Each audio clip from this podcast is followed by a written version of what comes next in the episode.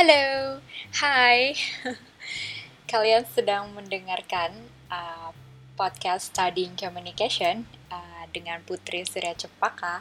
Ini adalah episode atau materi yang ke-17.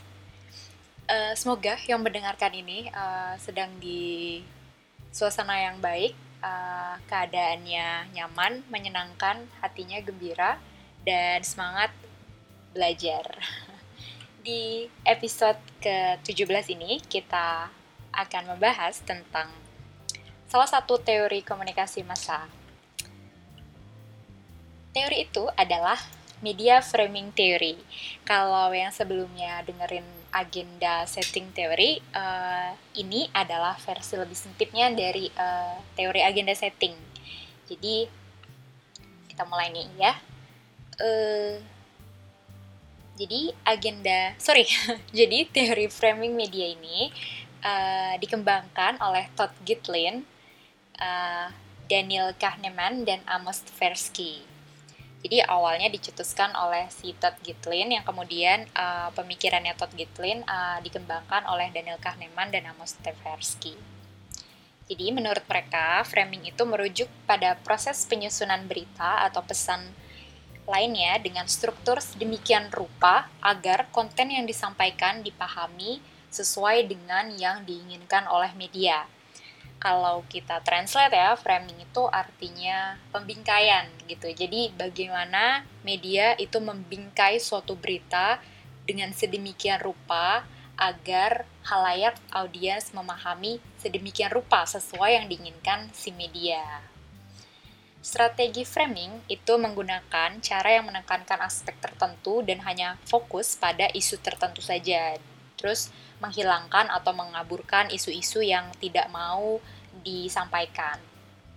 Seperti pada penulisan headlines, ada efek audiovisual mungkin, atau penggunaan metafora dalam pemberitaan, serta bagaimana cara berita itu disampaikan.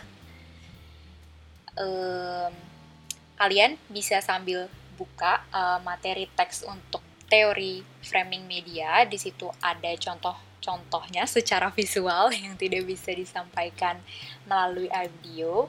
Ada contoh media framing di situ. Uh, saya kasih ilustrasi juga. Jadi beberapa tahun ke belakang, beberapa tahun yang lalu ya, sekitar uh, uh, 4 atau tiga tahun yang lalu itu uh, terjadi ini ya aksi massa besar yang sangat masif di Jakarta. Itu ada aksi 212 dan pemberitaan terkait aksi tersebut itu banyak uh, sekali yang pakai framing tuh pemberitaannya di televisi terutama ya. Jadi uh, banyak juga di TV itu yang uh, bilang kalau oh uh, aksi ini dihad dihadiri oleh jutaan masa gitu. Tapi uh, fotonya itu pembingkaian dari fotonya dari gambar yang disorot itu memang sengaja diambil dari angle agar terlihat masanya itu seolah nampak jutaan gitu. Tapi ada berita lain lagi waktu itu saya uh, kalau tidak salah di majalah Tempo uh, Tempo justru menyurut menyoroti uh, dari atas gitu, dari jauh dari atas hingga tersorot keseluruhan gitu. Bahwa sebenarnya masanya itu ya nggak sampai sejutaan yang uh, seperti yang dibilang uh, salah satu media di televisi gitu. Jadi itu uh, salah satu ilustrasi atau contoh framing gitu ya. Jadi media mau punya narasi apa disampaikan pakai framing pakai pembingkaian uh, sedemikian rupa di cara penyampaian beritanya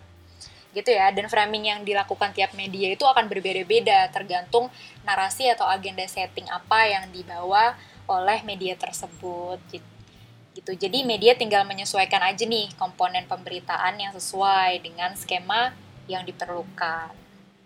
Nah framing media seperti apa nih yang kamu konsumsi hari ini? Karena pasti kita hampir setiap hari mengonsumsi informasi mengonsumsi berita. Coba kita uh, telaah bareng-bareng. Jadi apa framing media yang kamu konsumsi hari ini? Apakah headline-nya, atau gambarnya, atau cara penyampaian news anchor-nya?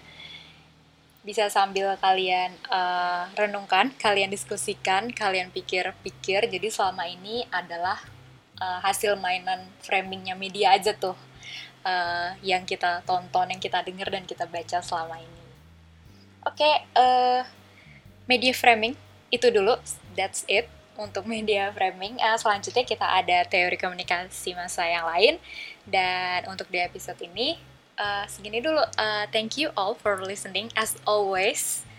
Thank you, thank you, thank you, and uh, see you next time. And bye.